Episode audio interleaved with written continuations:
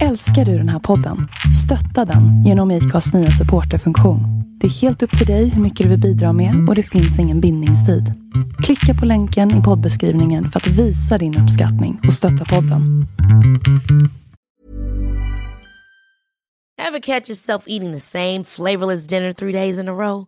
Dreaming of something better? Well, HelloFresh is your guilt-free dream come true, baby. It's me, Gigi Palmer. Let's wake up those taste buds with hot, juicy pecan crusted chicken or garlic butter shrimp scampi.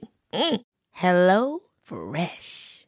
Stop dreaming of all the delicious possibilities and dig in at HelloFresh.com. Let's get this dinner party started.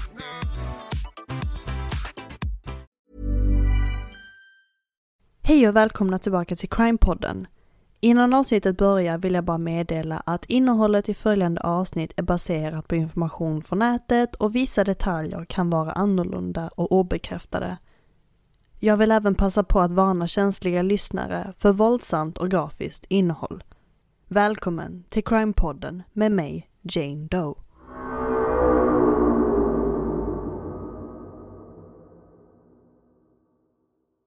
Hej på er! Denna paus hade jag absolut inte räknat med. Men som ni, som ni hörde i förra avsnittet så var jag ganska sjuk. Eh, och det tog faktiskt ett tag innan allting blev bättre och sen så man ska gå tillbaka till sitt privata jobb och det, det, det blev rätt mycket och jag kände väl att men jag får väl ta en liten, liten paus. Men eh, det är i alla fall inte lika lång paus som förra året där, november till mars. Så jag tänkte så här, okej okay, men nu när jag ska komma tillbaka så vill jag komma tillbaka med ett långt avsnitt denna gång. Så att det har också tagit lite tid att göra det här avsnittet. Eh, men jag hoppas att det kommer bli bra. Eh, och att jag kanske hittar tillbaka till det där flowet jag en gång hade eh, snart så kanske jag är där. Hoppas i alla fall att ni håller er friska och att ni kanske, vissa av er kanske redan går på semester eller ska vara lediga till midsommar. Jag hoppas att det kommer bli väldigt bra för er. Men nog babblat. Nu hoppar vi in i dagens avsnitt. Dagens avsnitt kommer vara ett annorlunda fall, men väldigt fascinerande. Eller jag tycker det är väldigt fascinerande. Det handlar inte om ett specifikt fall med ett offer och en gärningsperson, utan det är snarare en slags eh, metropol för brott och mystiska omständigheter. Detta avsnitt kommer handla om det mystiska och kanske hemsökta Hotel Cecil i Los Angeles. Beläget i ett av Los Angeles fattigaste områden står hotellet ståtligt och skyltar om låga priser. Men nästan varje vecka får hotellbesökare och grannar i husen bredvid stå ut med tragedier. Antingen så är det någon som begår självmord genom att hoppa ut genom fönstret eller så sker ett brutalt mord. Välkomna till ett nytt och längre avsnitt av Crime-podden. Detta är Hotel Cecil, Black Dahlia, The Night Stalker, Jack Unterweger och Elisa Lam.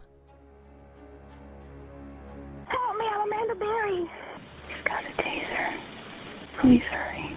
I've been kidnapped and I've been missing for 10 years and I'm, I'm here. I'm free now. Oh, God. He's going to jump in front of the car. No, Brian. Stop. Wait, hurry up.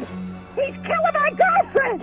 He ripped her face off. Stop. Stop. Stop. She's dead. Stop, Brian. You're going to get hurt. Please. Oh, shit.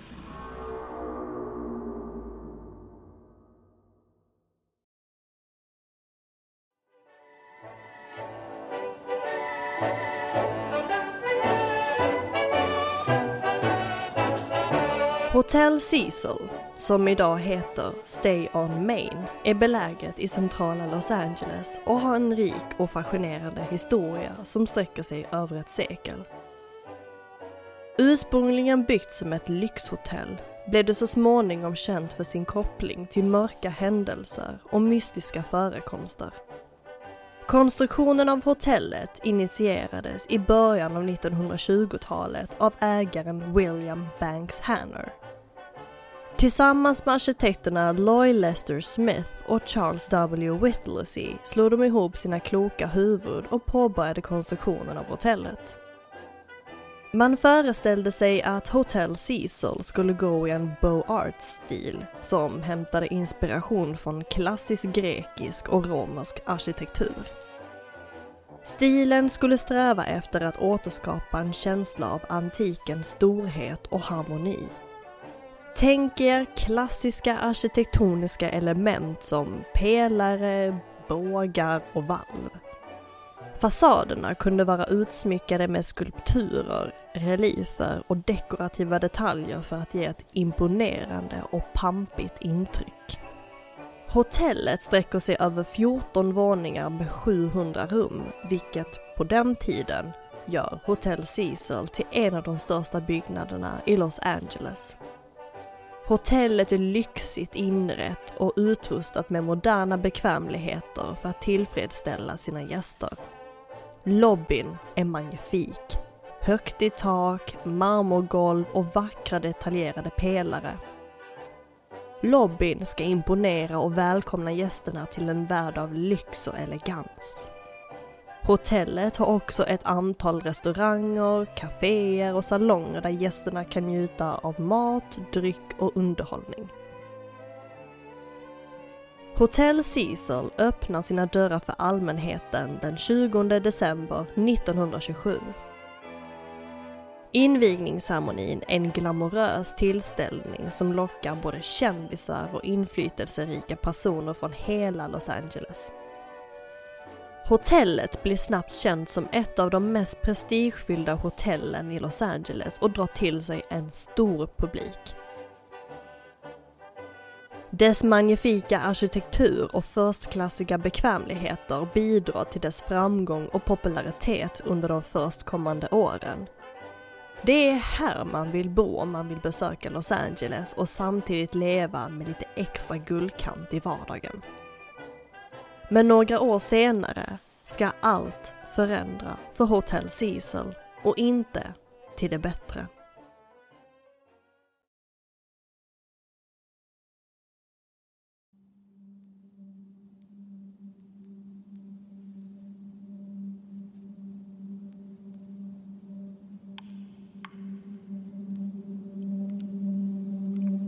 –1930-talet den stora depressionen medför betydande ekonomiska utmaningar för Hotel Caesar.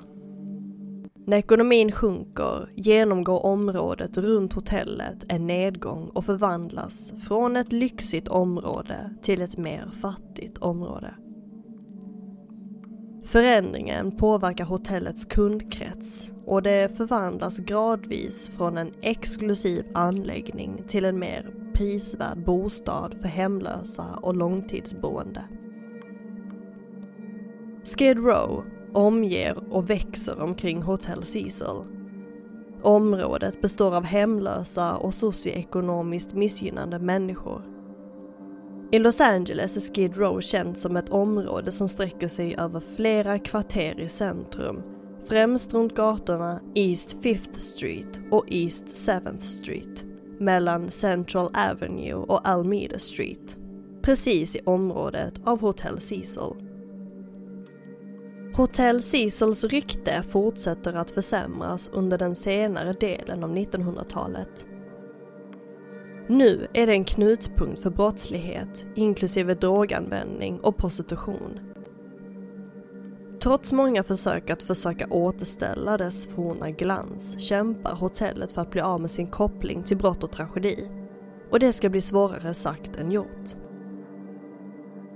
På 1940 och 50-talet associeras Hotel Cecil med brott och skandaler. Ett flertal självmord inträffar på hotellet vilket ger smeknamnet The Suicide Hotel.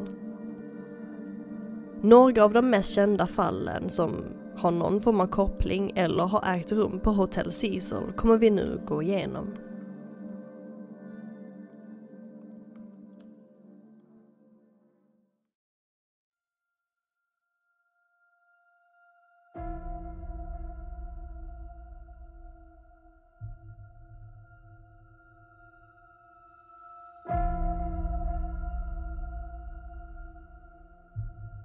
Black Dahlia.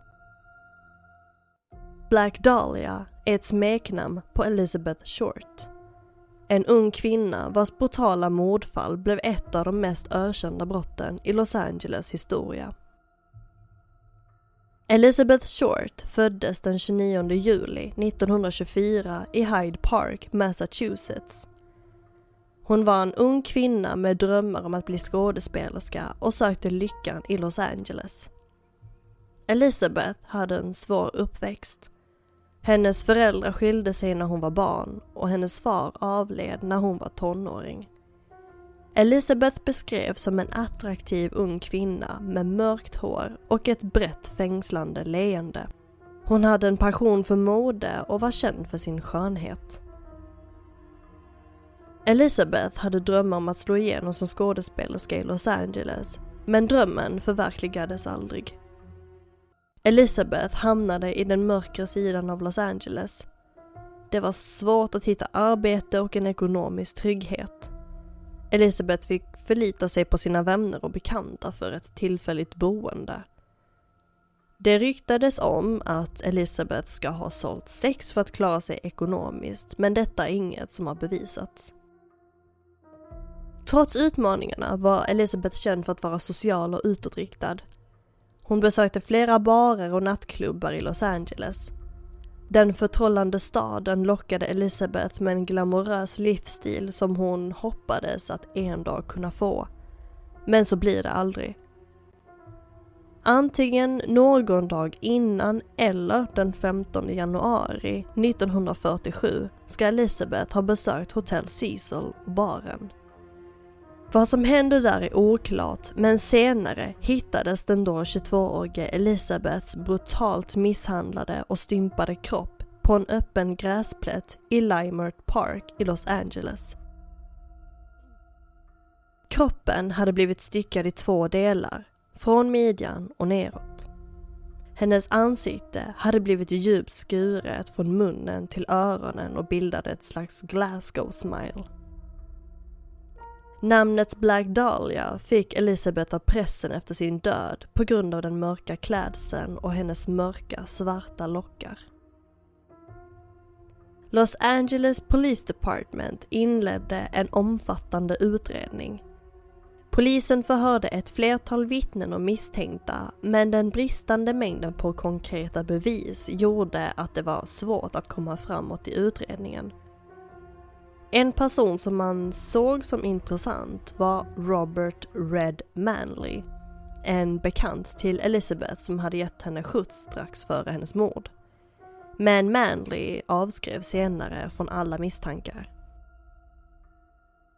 Los Angeles Herald Express, en lokaltidning, mottog ett paket som innehöll Elizabeths födelsebevis, visitkort och andra personliga tillhörigheter.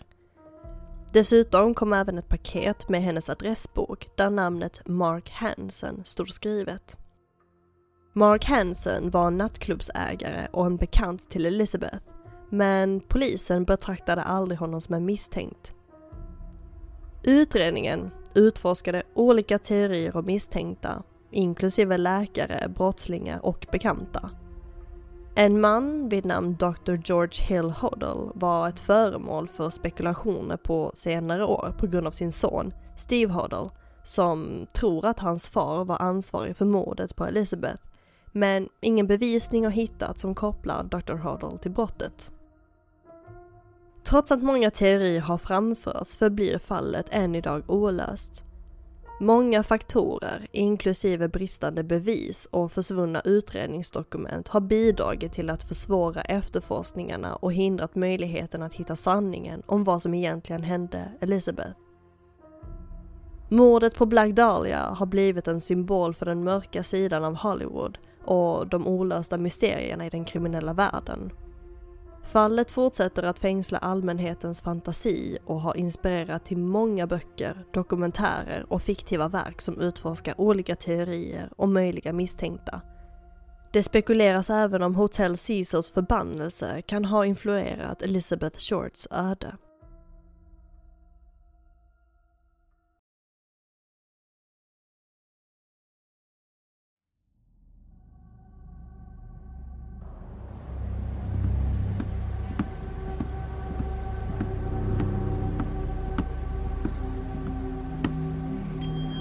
Cirka 40 år senare checkar en av USAs kanske mest omtalade seriemördare in på Hotel Cecil, nämligen Richard Ramirez, som senare ska bli mer känd som The Night Stalker. Richard Ramirez var en ökänd amerikansk seriemördare och våldtäktsman som skrämde invånarna i Los Angeles och San Francisco från juni 1984 till augusti 1985. Richard föddes den 29 februari 1960 i El Paso, Texas. Richard kom från en svår familjebakgrund. Hans pappa var enligt uppgifter våldsam och hans äldre kusin Miguel Ramirez, som hade tjänstgjort i Vietnamkriget, delade ofta med sig av makabra krigshistorier och grafiska fotografier till Richard. Som person beskrevs Richard som karismatisk och charmig, vilket gjorde att han kunde vinna folks förtroende väldigt enkelt.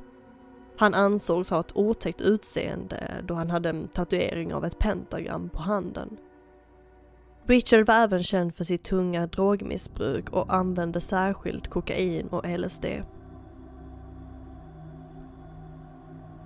Richards första och kända mord inträffade den 28 juni 1984 i Glassell Park, Los Angeles. Offret var 79-åriga Jenny Winkow som bodde ensam i sin lägenhet. Richard tog sig in i hennes hem genom att ta bort ett fönsternät och klättra in genom ett öppet fönster. Väl inne attackerade Richard Jenny i hennes sovrum. Han högg henne upprepande gånger, våldtog henne och sedan stal hennes värdesaker. Följande morgon hittades Jennys kropp av hennes son som bodde i samma lägenhetsbyggnad. Myndigheterna larmades men den inledande utredningen kopplade inte Richard till mordet utan det skulle ske senare, efter Richards följande brott som pusselbitarna började falla på plats. Under det följande året begick han en serie brutala mord, sexuella övergrepp och inbrott som skrämde invånarna i Los Angeles och San Francisco. Hans brott började oftast genom att bryta in sig i offrens hem när de låg och sov, våldföra sig på dem och senare mörda dem och stjäla deras värdesaker. Richard plågade och stympade sina offer, ibland lämnade han också satanistiska symboler på brottsplatserna. Hans slumpmässiga och våldsamma attacker skapade rädsla och panik bland invånarna i de drabbade områdena. Efter sina brott ska Richard ha checkat in på Hotel Cecil, där han bodde i rum 1419. Flera vittnen på hotellet vittnade om Richard som kom in med blodiga kläder och blod på händerna. Richards brott drevs av en blandning av sadism, sexuell avvikelse och en fascination för satanism. Han påstod sig vara en följare av Satan och lämnade därför satanistiska symboler på vissa brottsplatser. I ett samarbete mellan flera polisbyråer, privatdetektiver och hjälp från allmänheten lyckades man fånga Richard den 31 augusti 1985. Han togs fast av en upprörd folkmassa i östra Los Angeles efter ett försök till bilstöld. Invånarna kände igen honom från mediebevakningen och förföljde honom och senare höll kvar honom tills polisen anlände. Richard Ramirez åtalades för 13 mord, 5 mordförsök, 11 sexuella övergrepp och 14 inbrott. Rättegången mot honom inleddes 1988 och Richard visade ingen ånger för sina brott. Snarare tvärtom, där han uppvisade ett trotsigt och störande beteende i rättssalen, inklusive rita ett pentagram på handflatan. År 1989 fanns Richard Ramirez skyldig på alla åtalspunkter och dömdes till döden. Men hans tid i dödscellen förlängdes på grund av den långa överklagandeprocessen. Richard hölls fängslad fram till sin död den 7 juni 2013 vid 53-årsåldern till följd av komplikationer relaterade till B-celliform. På senare tid har flera spökjakter gjorts där man undersökt bland annat Richard Ramirez rum då det sägs att han hemsöker hotellet. När Richard bodde på Hotel Cecil sades det att han utförde olika satanistiska ritualer uppe på taket och på sitt hotellrum.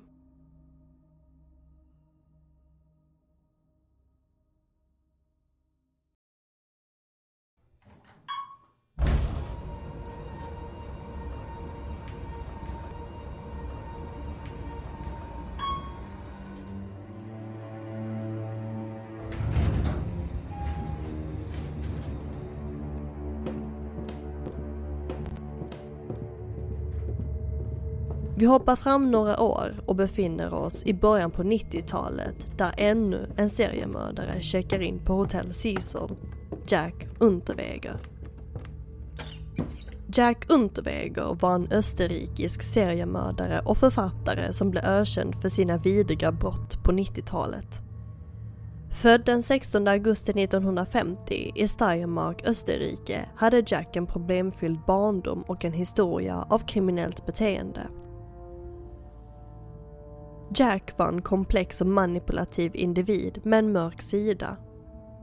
Han var känd för sin charm, karismatiska personlighet och förmåga att manipulera andra människor. Jack hade förmågan att anpassa sig och spela olika roller. Han kunde framstå som intelligent, bildad och till och med charmig för att manipulera och lura folk i sin omgivning. I sin tur gjorde detta det möjligt för honom att undvika upptäckt och manipulera rättsväsendet och allmänheten. Jack begick sina första brott i ung ålder där han dömdes för stöld och misshandel.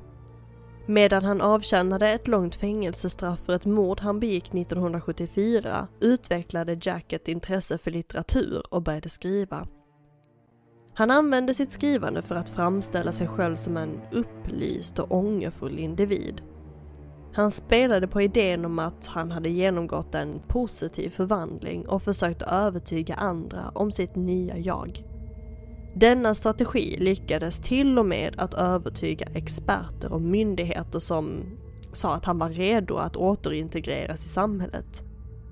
Men bakom denna fasad dolde sig en farlig och våldsam personlighet. Jack var en sadist som njöt av att kontrollera och skada sina offer.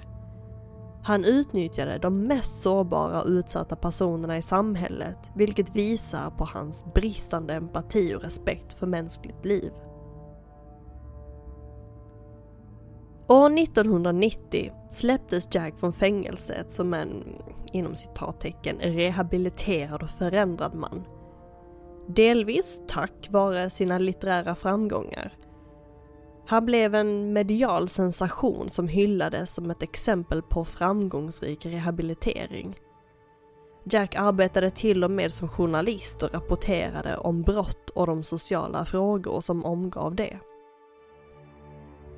Men bakom den tillsyns framgångsrika fasaden markerade Jacks frigivning början på en ny våg av brutala brott. Han inledde en mordserie där han riktade sig in på prostituerade i Österrike, Tjeckoslovakien och USA. Jack ströp sina offer med deras egna underkläder, därav fick han smeknamnet The Vienna Strangler. Jacks offer var främst sexarbetare som han valde på grund av sitt djupt rotade hat och förakt mot kvinnor. Jack trodde att han rensade samhället från vad han ansåg vara omoraliska individer. Den intensiva jakten på Jack sträckte sig över flera länder. Till slut greps han i Miami 1992 efter en omfattande utredning ledd av österrikiska och amerikanska myndigheter. Han utlämnades till Österrike där han ställdes inför rätta för flera mordanklagelser. Under en rättegång hävdade Jack sin oskuld och framställde sig själv som ett offer för omständigheterna. Men överväldigande bevis kopplade honom till brotten, inklusive rättsmedicinska bevis och vittnesmål. År 1994 fanns Jack Unterweger skyldig till flera mord och dömdes till livstidsfängelse utan möjlighet till villkorlig frigivning. Uppgiven över konsekvenserna av sina handlingar hängde han sig i sin cell den 29 juni 1994. Precis som Richard Ramirez checkade Jack in på Hotel Cecil år 1991 och fick rum 712. Jack bodde egentligen i Los Angeles med sin dåvarande flickvän men checkade in på Hotel Cecil under tiden han mördade tre sexarbetare. Något som man senare fick reda på var att Jack Unterweger var ett stort fan av Richard Ramirez och studerade hans karaktär och tillvägagångssätt. Genom att använda sitt intellekt och förmåga att manipulera andra lyckades Jack underkomma upptäckt och straff under en lång tid. Han kunde fortsätta sin våldsamma och destruktiva livsstil och begå flera brutala brott innan han till sist blev fångad och ställd inför rätta.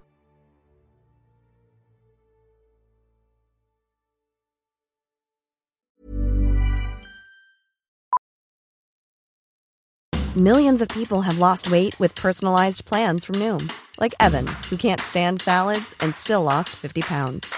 Salads, generally, for most people, are the easy button, right? For me, that wasn't an option. I never really was a salad guy. That's just not who I am. But Noom worked for me. Get your personalized plan today at Noom.com. Real Noom user compensated to provide their story. In four weeks, the typical Noom user can expect to lose one to two pounds per week. Individual results may vary.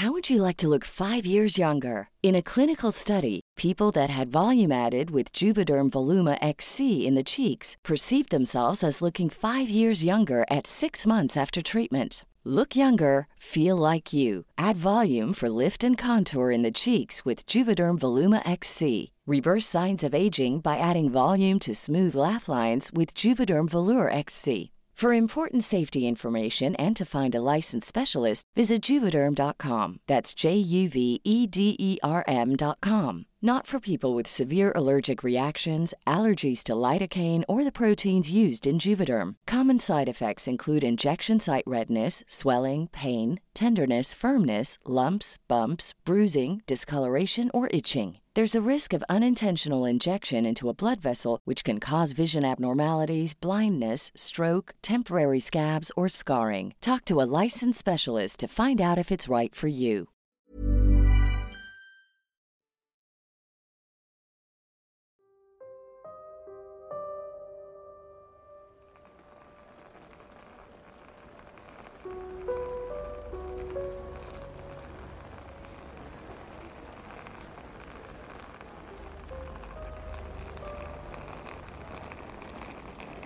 22 år senare, 2013, sker kanske en av de mest uppmärksammade och mystiska fallen som någonsin inträffat på Hotel Cecil. Ett fall en del av er kanske minns eller känner till. Fallet Elisa Lam. Elisa Lam var en ung kanadensisk kvinna som fick internationell uppmärksamhet på grund av sitt mystiska försvinnande och sin tragiska död. Hon föddes den 30 april 1991 i Vancouver, British Columbia. Elisa Lam var en ung kvinna med unika intressen och utmaningar. Hon beskrevs som intelligent, kreativ och livlig av de som kände henne. Hon hade en stor passion för skrivande och konst och var en begåvad student som studerade vid University of British Columbia.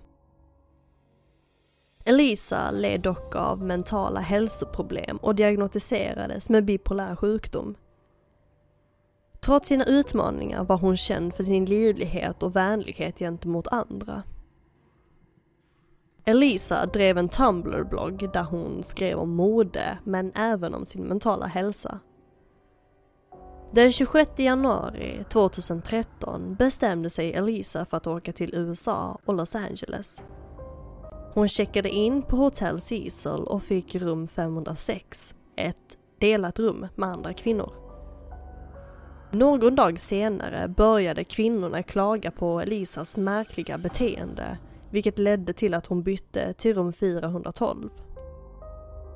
Den 31 januari, fem dagar efter incheckning anmälde personalen på hotellet Elisa som försvunnen. Efter att ha undersökt hotellets övervakningskameror upptäckte man en oroväckande video som visade Elisa i en hotellhiss på ett ovanligt och oroväckande sätt. Videon visade Elisa som betedde sig konstigt, pratar och gestikulerar på ett sätt som verkade ovanligt och irrationellt. Videoövervakningsfilmerna ledde till att fallet fick stor uppmärksamhet och spred sig snabbt i medierna. Efter nästan tre veckor av en intensiv sökinsats hittades Elisas kropp den 19 februari i en vattenbehållare på hotellets tak. Dödsorsaken fastställdes som en olyckshändelse och det rapporterades som att hon hade drunknat i tanken. Fallet väckte dock väldigt många frågor och spekulationer på grund av de ovanliga omständigheterna kring hennes försvinnande och den mystiska videon. Fallet har även fått medial uppmärksamhet och blivit ett föremål för dokumentärer och undersökningar. Det man kanske mest är fundersam över är hur Elisa kunnat öppna vattentankslocket, tagit av sig kläderna och hoppat ner för att senare stänga locket. Vattentankslocket är inte lätt och kräver en viss styrka att kunna stänga. Mysteriet får flera medium och paranormala utredare att tro att Elisa kan ha varit besatt vid tillfället. I ett inslag av programmet Ghost Adventures får mediumen som blir inbjudna till programmet en bild av ett pentagon på vattentanken och misstänker att Elisa kan ha varit besatt. Samma pentagon som Richard Ramirez brukade rita när han höll sina ritualer på taket. Något som spär på teorin om att Elisa kan ha varit besatt är om hon har lekt den koreanska hissleken. I övervakningsfilmerna på Elisa ser man henne trycka på alla knappar i hissen, stiger ut, tittar sig omkring som om att hon leker kurragömma. Den koreanska hissleken, även känd som Elevator to another world eller Elevator ritual, är en paranormal myt som tros transportera deltagare till en annan dimension eller alternativ verklighet. Leken har blivit populär genom onlineforum och sociala medier där människor delar sina erfarenheter och diskuterar de påstådda riskerna och övernaturliga mötena som är förknippade med leken.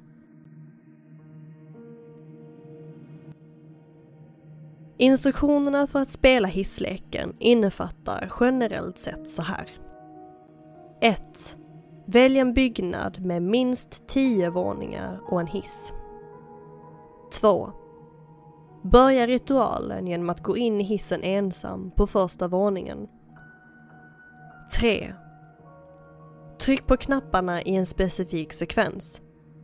Fjärde våningen, andra våningen, sjätte våningen, andra våningen, tionde våningen. 4. När hissen når sjunde våningen kan en övernaturlig närvaro komma in i hissen. 5. Titta inte på eller interagera på något sätt med denna närvaro. 6. Tryck på knappen för första våningen. Om hissen istället börjar gå upp till tionde våningen fungerar ritualen. 7. När du når tionde våningen, stanna kvar i hissen och förbered dig för att återvända. 8. Tryck på knapparna i omvänd sekvens. Första våningen, andra våningen, sjätte våningen, andra våningen, tionde våningen. 9. Om hissen börjar gå ner till första våningen har du framgångsrikt genomfört ritualen och kan återvända till din egen dimension. Enligt de som påstår sig ha spelat hissleken rapporterar att de har upplevt märkliga händelser under ritualen, som att se spöklika figurer, stöta på förvrängda versioner av verkligheten eller känna en obehagskänsla. Vissa hävdar till och med att de hamnat i en helt annan värld. Men det är viktigt att nämna att hissleken betraktas som en myt och att det finns inget vetenskapligt stöd för de här påståendena. Och samma sak gäller teorierna kring Elisa Lams död.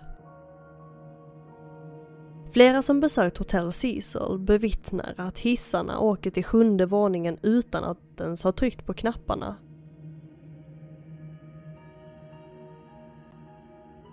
Även när hissen släpper av en i lobbyn så åker den direkt upp till sjunde våningen utan passagerare eller att någon ens har tryckt på knappen. Men som sagt, allt det här är hörsägnen och inget av dessa påståenden kan bevisas vetenskapligt så ta det med en nypa salt. Några av Hotel Caesars andra ökända fall innefattar bland annat 1. Sergeant Louis D. Borden.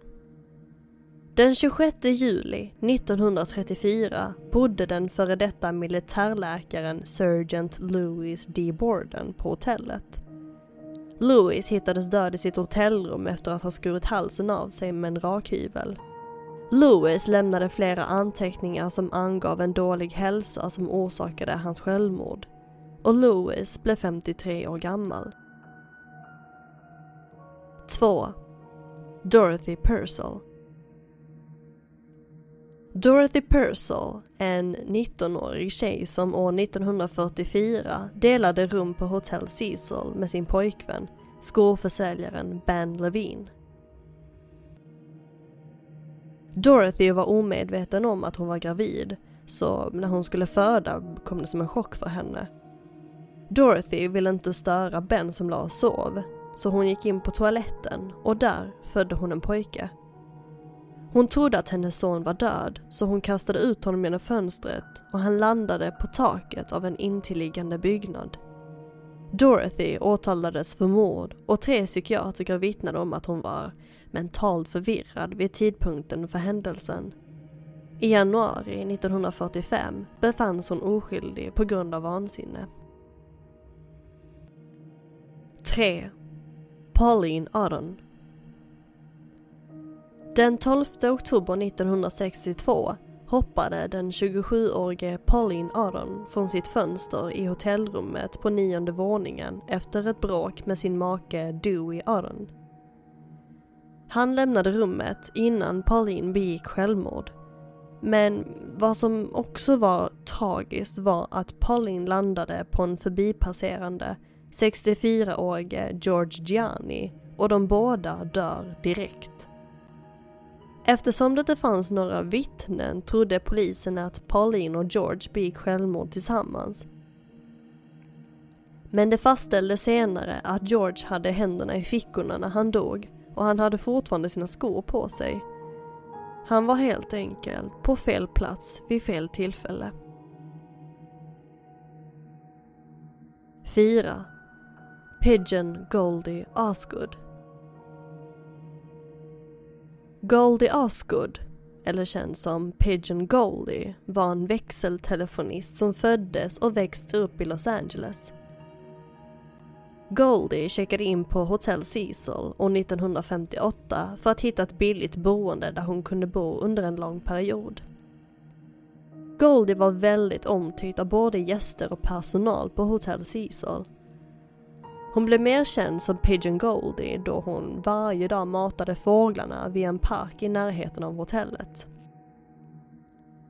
Den 4 juni 1964 sa Goldie godnatt till sina grannar en sista gång och stängde hotelldörren bakom sig.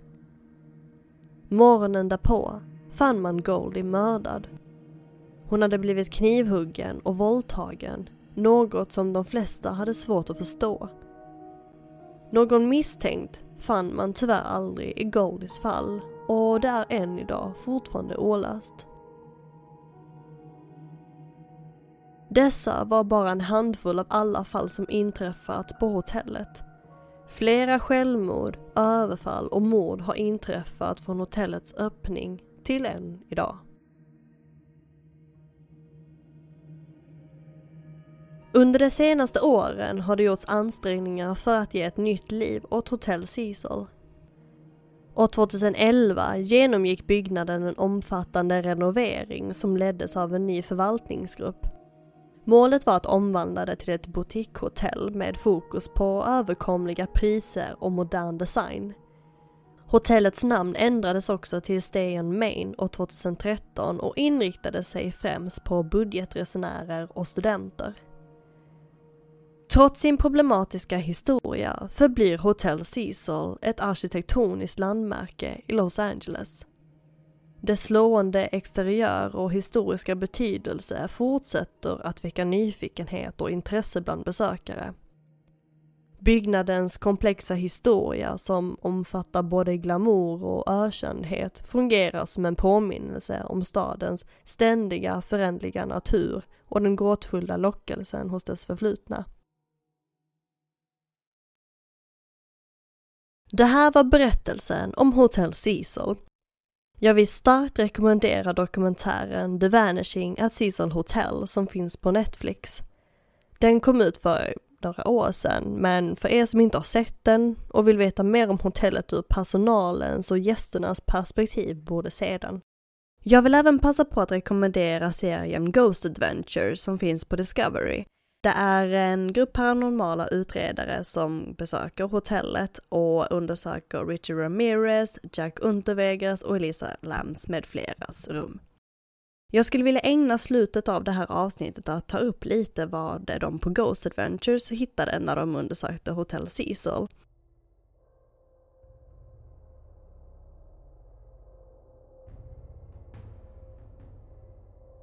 De flesta tror att Richard Ramirez fortfarande hemsöker Hotel Cecil och när Ghost Adventures var där för att undersöka hans rum stötte de på lite märkliga saker. This was Ramirez's room. The rituals probably in here, along with other people who have come here. This whole floor is so scary. Richard is with me. Uh, he said hi to you. Why does he want to say hi to me? Well, he said, You got me. What do you mean I got him? Zach, What? uh, don't want to freak you out, but you have a scratch forming on your neck. Are you fucking kidding me? Looks like it. And it get redder and redder as you just stood there. Yeah, I don't feel fucking good right now either. Yeah, well, he said tough shit. I'm getting a stabbing feeling on my eye. När en av programmets frontfigurer, Zack Bagans, besöker Jack Unterweges rum låter det så här. Can you hear me?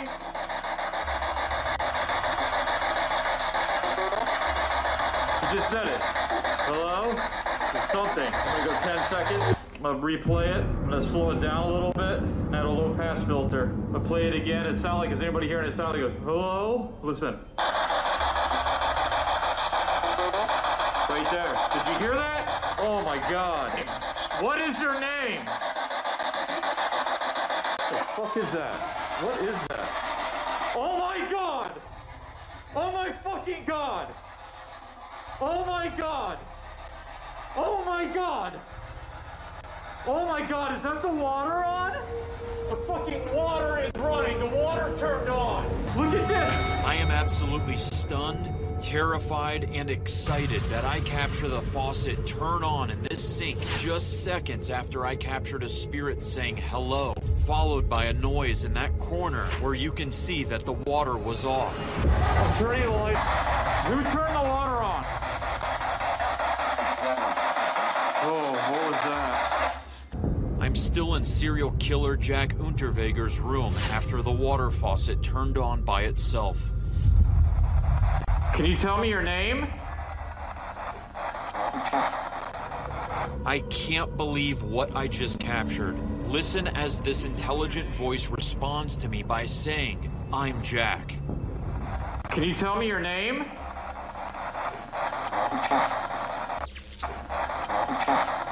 Hey Jack, who were you touching earlier? What was her name? Your mom? Is this spirit being a smartass by saying that it was touching my mom? När teamet senare är i Elisa Lams gamla rum får de höra vad de tror är Elisa som svarar på deras frågor, men även en man. Vad de tror kan vara Jack Unterweger. Lisa or any other spirits, can you enter into this room and you're going to communicate with us?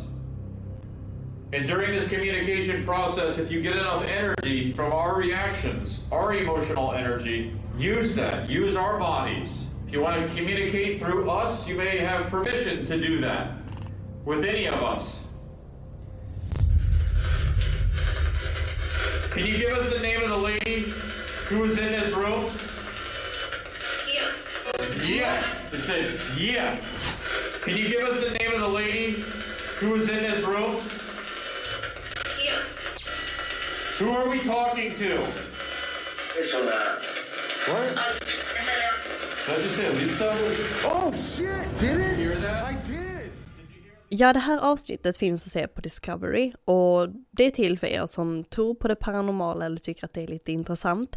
Det är väldigt, jag tyckte det var väldigt läskigt och obehagligt att röst när jag hörde Jacks och Elisas röster. Eller det, i alla fall vad det ska föreställa. Ni får ta det med en nypa salt och även ja, men, teorierna kring Elisa Lams död för att allt, det finns ingen vetenskaplig grund som styrker eh, påståendena som de upptäcker i eh, eller som de tar upp i Ghost Adventure, så ta det med en nypa salt. Men se gärna programmet om ni är intresserade av det paranormala. Men det här blev ett väldigt långt avsnitt och med tanke på min lilla oväntade paus så kände jag då så att jag ville komma tillbaka med ett riktigt långt och bra avsnitt till er. Så jag hoppas att ni tyckte om dagens avsnitt. Tack för att ni fortfarande lyssnar och stöttar podden. Det betyder väldigt mycket när man gör allting helt själv. Ha en härlig midsommar så hörs vi snart igen. Detta var Hotel Cecil, Black Dahlia, The Night Stalker, Jack Unterweger och Elisa Lam.